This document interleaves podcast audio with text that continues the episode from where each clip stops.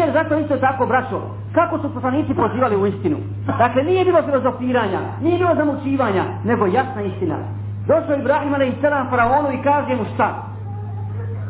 Ja te pozivam gospodaru svjetova. A on kaže, ja sam gospodar svjetova. Ja sam gospodar, kaj moj gospodar oživljava i usmrćuje. Kaže, ja usmrćujem i oživljavam. Kaj, kako subhanallah, ti čovjek, kako ti oživljava usmrćuje?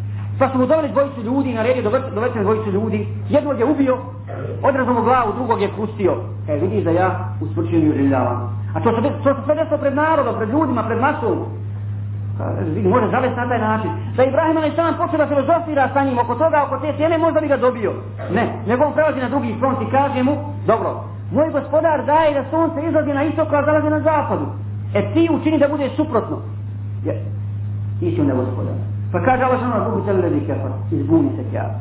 Mi tada znam, zašto ovdje faraon, pitan vas, zašto faraon nije rekao, ja dajem da se mu se zađe na istoku, a zalazi na zalazi. Kao što je rekao, ja ozirano smo čvi. Kažu mu fesiri iz jednog prostog razloga. Što je kada je bilo tu, u tom skupu, ljudi koji su bili stariji od njega, i da je on rekao, ja, ja dajem da sunce izlazi sa istoka, zalazi na zapadu, rekli bi, e, lažeš, mi smo rođeni prije tebe, vas da je sunce izlazilo. Odakle izlazi? Pa je da je rekao, ja dajem da sunce zalazi na zapadu, a zalazi na istoku, kao što je, kao što mi postoji građana na istelama. Zato je se Čafir zbunio. Dakle, to je jedan primjer kako treba musliman da poziva, da poziva u istinu. Još jedan dobar primjer. Desi je se jedan seminar, vi znate kako danas Čafiri vrše utjecaj, kako se napad muslimane. Pa kažu, posebno napadaju na jedno pitanje, žensko pitanje u islamu. I hoće danas jasni da izjednače muškarca i ženu. Allah ih stvorio različite, ali oni hoće da izjednače.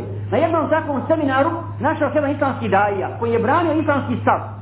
I ulogu žene po islamu, da je to najbolja njena uloga. Da je Allah da odredi ulogu, subhanallah. Pa kad su oni govorili, govorili o izjednačavanju muškarca i žene da moraju biti isti islamu, kaže on, vidi kako daje islamski stav. Dobro, u redu. Ako je to tako, ako hoćemo da izjednačimo muškarca i ženu, slavim se i ja. Ali da uradimo nešto, vratimo stvari na početak. Izvedite muškarca i ženu ovdje. Muškarca i ženu pred nas i neka se skinu. Pa ako budu isti, izjednačit ćemo. Ako budu jednaki, odmah ćemo izjednačiti u svemu. Pa su ostali bez teksta, nisu znali šta će da odgovori. Jer Allah je sam stvorio čovjeka i ženu i odredio im uloge njihove. I glupost je pitati, postavljati pitanje, e čija je uloga veća? Ili muškarca ili žene?